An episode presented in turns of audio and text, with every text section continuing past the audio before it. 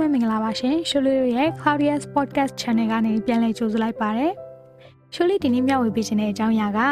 အစမပြေမှုတွေဘဝမှာကြုံတွေ့လာတဲ့အချိန်မှာအသုံးချကြည့်တဲ့ဘဝနေထိုင်နည်းတွေကတခုဖြစ်တဲ့90 10နေရာမှာအကြောင်းပဲဖြစ်ပါတယ်ဒီနေ့ရဲ့90 10နေရာမှာအကြောင်းလေးကိုပြောမပြသေးခင်မှာအရင်ဆုံးစဉ်းစားကြည့်အောင်ရှိုလေးတို့ဘလို့အချိန်မှာပုံရင်းချင်တဲ့ပြဿနာတက်ကြလဲ ဟိုလေတူပီဒီနေ့ကံမကောင်းပါဆိုတာမျိုးအဲ့လိုခံစားချက်မကောင်းတဲ့နေ့တွေဘယ်အချိန်မှဖြစ်ကြသလဲတွိုင်းမိတာမျိုးတွေအလုထုတ်ခံရတယ်အာအိမ်ရမိဘဆူရာခံရတယ်ချစ်သူနဲ့စကားများတယ်ဒါမျိုးတွေဖြစ်နိုင်တယ်လေနော်ဒါပေမဲ့ဒီကိစ္စတွေကရောကိုယ့်ကိုမပျော်ရွှင်စေရဲ့အဓိကအကြောင်းရင်းဆိုတာသိကြရဲ့လား Seven Habits of Highly Effective People ဆိုတဲ့စာအုပ်ကိုရေးသားခဲ့တဲ့စာရေးဆရာကြီး Stephen Covey ရဲ့ 90-10 principle 90-10နေရာမှာဆိုတာလေးကိုရှုလေးရမိတ်ဆက်ပေးခြင်းနဲ့တေချာပေါက်တည်ဘူးပြီးသားသူတွေလည်းရှိကောင်းရှိမှာပါအဲ့ဒါလေးကတော့10% of life is made up of what happens to you when 90% of life determined by your reaction to what happened to you ဘဝရဲ့10ရာခိုင်နှုန်းကတင့်စီကိုရောက်လာတဲ့အဖြစ်အပျက်တွေဖြစ်ပြီးကျန်တဲ့90ရာခိုင်နှုန်းကတော့ တင်ဒီအဖြစ်အပျက်တွေကိုဘယ်လိုတုံ့ပြန်မလဲဆိုတာပေါ်မူတည်နေတာပါတဲ့ဆိုတော့ရှိုးလေးတို့ဘဝမှာထိန်းချုပ်လို့မရနိုင်တဲ့ကိစ္စတွေရှိရယ်ဥပမာအခုချိန်နေနဲ့ဆိုလို့ရှိရင်ဆေးတွေပြတ်ကုန်တာမျိုးတွေဆေးကနေပိတ်ထားတော့သွားလို့မရတာမျိုးတွေ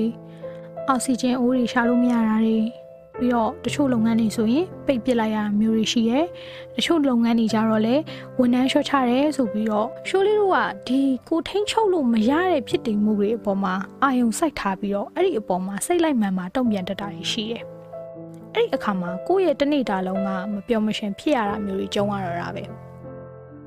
တကယ်တမ်းရှိုးလေးတို့ထိန်းချုပ်လို့မရနိုင်တာကဆယ်ရာခိုင်နှုန်းနဲ့ပဲရှိရ ဖြိုးလေးတို့နေတတူဝါကြုံတွေ့လာတဲ့ဖြစ်ရပ်တွေကိုမူတည်ပြီးတော့စိတ်ညစ်ခံမလားစိတ်ချမ်းသာအောင်နေမလားဆိုတာကကြံတဲ့60ရာခိုင်နှုန်းဖြစ်တဲ့ကိုဘလို့တုံ့ပြန်မလဲဆိုတဲ့လောက်ရပုံမှန်မူတည်နေတာဒါပေမဲ့ရွှေလေးတို့ကကိုပိုင်တဲ့90ရာခိုင်နှုန်းကိုကြတော့မိနေကြတယ်ကိုမတက်နိုင်တဲ့10ရာခိုင်နှုန်းအပေါ်မှာကြတော့အာယုံဆိုင်မိနေတဲ့ကြတာမျိုးတွေရှိတယ်အဲ့ဒါနဲ့ပတ်သက်ပြီးတော့ရွှေလေးကဥပမာလေးတစ်ခုပြပြမယ်ဒီနေ့ရုံးမှာအရေးကြီးမီတင်တစ်ခုတက်စရာရှိတယ် အင်္ဂါထွက်လာတဲ့အခါမှာမိုးကရုတ်တရက်ရွာချတယ်ထီးရလည်းပါမလာတော့မိုးမိပြီးတော့မီတင်မှာသုံးမဲ့ presentation စာရွက်တွေလည်းမိုးဆိုကုန်တယ်လမ်းတွေပိတ်ပြီးတော့ရုံးရောက်တာလည်း10မိနစ်နောက်ကြာတယ်အဲ့ဒီကနေတောက်လျှောက်တနေကုန်ကအလုံးမှာအဆင်မပြေတော့ပုံမှန်ဆိုလို့ရှိရင်ရှိုးလေးကိုဘယ်လိုပြောကြလဲ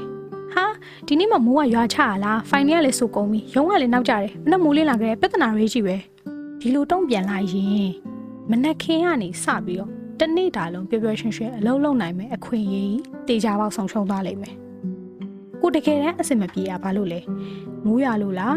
ကားပိတ်လို့လားရုံးနောက်ကြလို့လားဒါမှမဟုတ်ဖိုင်နေရေးဆိုကုန်လို့လားမိုးရတာတွေကားပိတ်တာတွေကိုထိန်းချုပ်လို့မှမရတာဒါပေမဲ့ဒေါသမထွက်ဖို့တော့ကိုကိုကိုထိန်ချုပ်လို့ရတယ်။ကားပိတ်လို့ရုံနောက်ကြရင်ရုံကိုကြိုးပြီးအကြောင်းကြားထားလို့ရတယ်။ရုံကလူတွေလည်း စိတ်မပူရတော့။ပိုင်နေရေးဆိုကုန်လို့ရှိရင်လည်း print ပြန်ထုတ်လို့ရရင်ထုတ်လိုက်မယ်။ထုတ်လို့မရတော့ဘူးဆိုရင်လည်းမီတင်မှာအကျိုးအကြောင်းပြပြပေးလိုက်တယ်ဆိုလို့ရှိရင်မိုးရွာလို့ရေဆိုသွားတာလောက်ကတော့လုံးဖို့ကံမဲ့တရားနားလည်ပေးမှာပေါ့။ချိုးလေးတို့သတိထားရမှာကကိုထိန်ချုပ်လို့မရနိုင်တဲ့ကိစ္စတွေရဲ့လွှမ်းမိုးမှုမခံမဲနဲ့ကိုထိန်ချုပ်လို့ရတဲ့ကိုယ့်ရဲ့ကိုယ်ပိုင်ပြုမှုနေထိုင်မှုနဲ့တုံ့ပြန်ဖြည့်ရှင်းမှုတွေပေါ်မှာအာရုံစိုက်ထားပြီးတော့ပိုကောင်းတဲ့စိတ်အခြေအနေတစ်ခုကိုဖန်တီးတတ်ဖို့ပဲ အလုံးထုတ်ခံလိုက်ရလို့ဆိုပြီးတော့စိတ်ညစ်နေမဲ့အစားဝါသနာအသစ်ရှာလိုက်တာမျိုးဒါမှမဟုတ်ဘူးဆိုရင်လည်း volunteer ဝင်လုပ်လိုက်တာမျိုးအဲ့ဒါကလည်း90 10နေရာမှာလက်တွေ့ဘဝမှာအသုံးချလိုက်တာပဲဘဝရဲ့ပျော်ရွှင်ခြင်းဆိုတာကတစ်ဖက်သားရဲ့လောက်ရအပေါ်မှာကိုဘလို့တုံ့ပြန်နေထိုင်တယ်လဲဆိုတာပေါ်လဲမူတည်ရယ်နော်အခုပြောထားတဲ့အကြောင်းအရာလေးကမိဘပြည်သူတွေအတွက်အသုံးဝင်မယ်လို့မျှော်လင့်ပါတယ် ဟုတ်ကဲ့ Claudia's podcast channel မှာရှိုးလေးကတင်ဆက်ခဲ့တာဖြစ်ပါတယ်နောက်တစ်ချိန်မှာပြန်တွေ့ပါမယ်နော်အားလုံးပဲချစ်ခင်ရသူတွေနဲ့အတူတူကျမ်းမာပျော်ရွှင်သောဘဝကိုပိုင်ဆိုင်နိုင်ကြပါစေလို့ဆုမွန်ကောင်းတောင်းပေးလိုက်ပါတယ်ရှင်။